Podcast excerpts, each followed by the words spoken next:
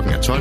Nu er der nyheder på Radio 4. For første gang lever Danmark op til en NATO-målsætning fra 2014, og det er godt nyt, lyder det fra forsvarsministeren.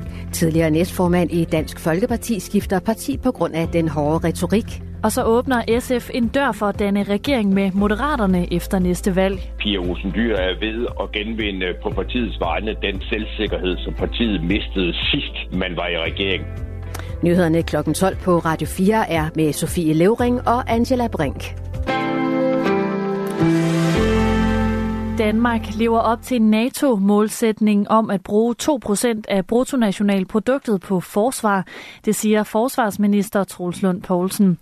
Det er første gang siden NATO-målsætningen blev opstillet i 2014, at Danmark rent faktisk lever op til den. Og det er et rigtig godt budskab, siger Troels Lund Poulsen. Vi har nået målet på baggrund af de investeringer, vi har foretaget i dansk forsvars- og sikkerhedspolitik, siger han. Det er ikke alene de løbende udgifter til forsvaret, som indgår i opgørelsen. Det gælder også støtten til Ukraine. Målsætningen blev opstillet på NATO-topmødet i 2014, men trods den målsætning er det dog gået langsomt med at indfri den. Siden krigen i Ukraine har flere af de europæiske lande øget deres forbrug på forsvar. Her har Danmark og andre EU-lande brugt mange milliarder på at sende artilleri, kampvogne og andet militært udstyr til Ukraine. Ifølge NATO's generalsekretær Jens Stoltenberg vil 18 ud af de 31 NATO-lande i år opfylde NATO's målsætning om at bruge 2% af bruttonationalproduktet på forsvar. Sidste år var det kun 7 ud af de dengang 30 lande. Ny og hård retorik for tidligere næstformand i Dansk Folkeparti til at melde sig ud af partiet. Efter næsten 25 år i DF har René Christensen valgt at forlade partiet og skifter i stedet for til Moderaterne. René Christensen har ellers i årvis været en stabil drivkraft i Dansk Folkeparti. Eksempelvis blev han i partiet, da 11 folketingsmedlemmer forlod DF i løbet af 2022.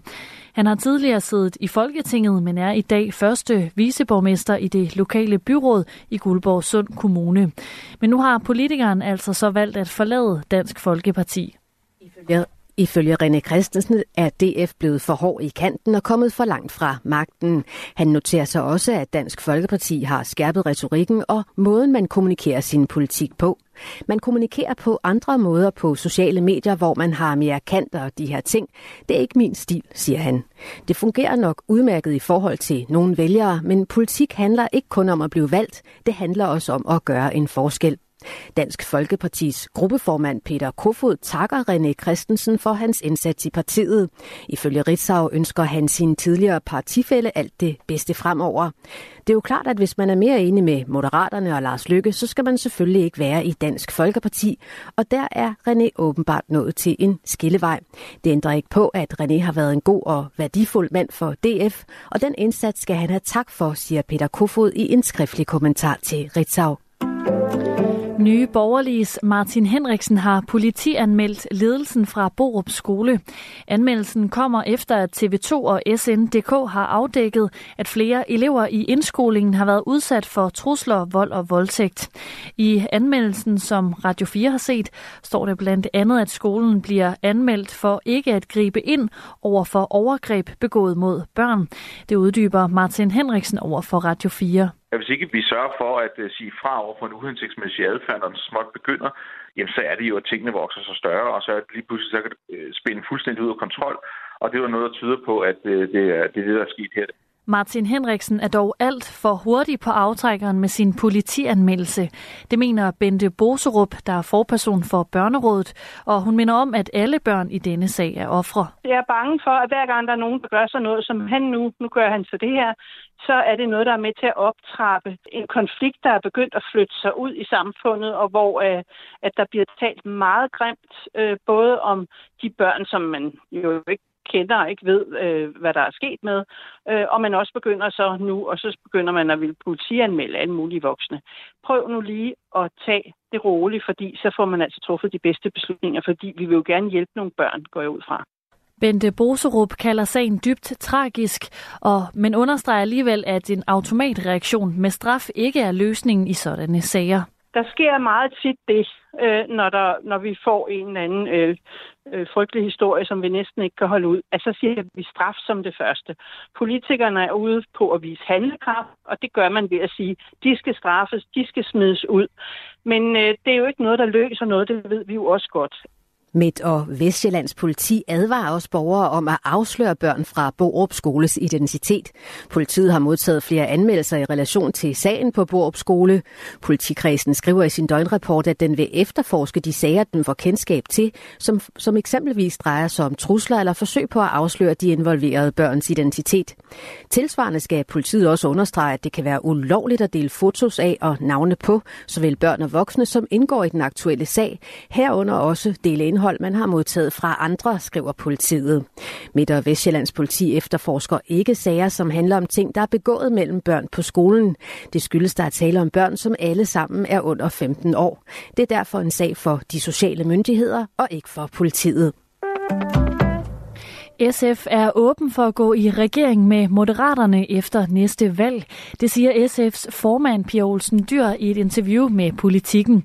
Formanden vil allerhelst en S-SF-regering, men lige nu er der ikke noget, som tyder på, at det vil være realistisk. Derfor vil det med stor sandsynlighed kræve et midterparti, hvis SF igen skal være et regeringsparti, lyder det fra Pia Olsen Dyr. Udmeldingen er et udtryk for, at SF er ved at vinde sin selvsikkerhed tilbage, siger Henrik Kvartrup, der er politisk analytiker ved BT. Han peger på, at partiet i flere nye målinger står til at blive enten andet eller tredje største parti. Pia Olsen Dyr er ved at, at genvinde på partiets vegne den øh, selvsikkerhed, som partiet mistede sidst man var i regering derfor omkring øh, 10 år siden. Øh, det følgende valg førte bare til, at de fik øh, syv mandater. Nu er SF på vej op ifølge meningsmålingerne SF afviser en regering med Venstre, som det ser ud nu. Ifølge partiets formand skyldes det Venstres holdninger til klima- og landbrugspolitikken. Hvis hun så skal have et ekstra parti ind og give de der afgørende mandater, så er hun jo nødt til at regne moderaterne med, fordi der ikke er andre partier, der vil kunne levere den bare forestilling om, at øh, øh, Venstre kunne det eller ville det, øh, og det er hun jo også selv inde på, er fuldstændig naiv. Så den står og falder med Moderaterne. Og det sagde Henrik Kvartrup, politisk analytiker ved BT. Og SF sad senest i regeringen fra 2011, og det var sammen med Socialdemokratiet og Radikale Venstre. Rusland stopper sine årlige betalinger til Arktisk Råd. Det sker indtil det rigtige arbejde med deltagelse af alle medlemslande bliver genoptaget i rådet. Det oplyser det russiske udenrigsministerium, skriver nyhedsbureauet Reuters. Møderne i Arktisk Råd blev sat på midlertidig pause efter Ruslands invasion af Ukraine i februar 2022. Den russiske beslutning om at stoppe betalingen til rådet kommer ikke bag på Rasmus Gedsø Bertelsen. Han er professor ved Norges Arktiske Universitet og beskæftiger sig blandt andet med internationale arktiske relationer. Rusland er en, en arktisk stormagt, og øh, stormagter, de er, de er meget følsomme over for ydmygelser, og jeg tror, Rusland finder det ydmygende, altså den måde, det er blevet holdt ud af samarbejdet af de syv andre arktiske stater. Rådet består ud over Rusland af syv andre lande, her i blandt Danmark. I rådet bliver der drøftet arktiske anlægner. Det gælder eksempelvis miljøbeskyttelse, sundhed og marint samarbejde. Det fremgår ikke, hvor meget Rusland normalt betaler årligt til rådet. Republikanerne i repræsentanternes hus har stemt for en rigsretssag mod USA's minister for indrigssikkerhed, Alejandro Mayorkas. Ministeren har blandt andet ansvar for grænsen til Mexico, og det er det, sagen drejer sig om. Anklagerne lyder på, at Mayorkas ikke har håndhævet amerikansk immigrationslov.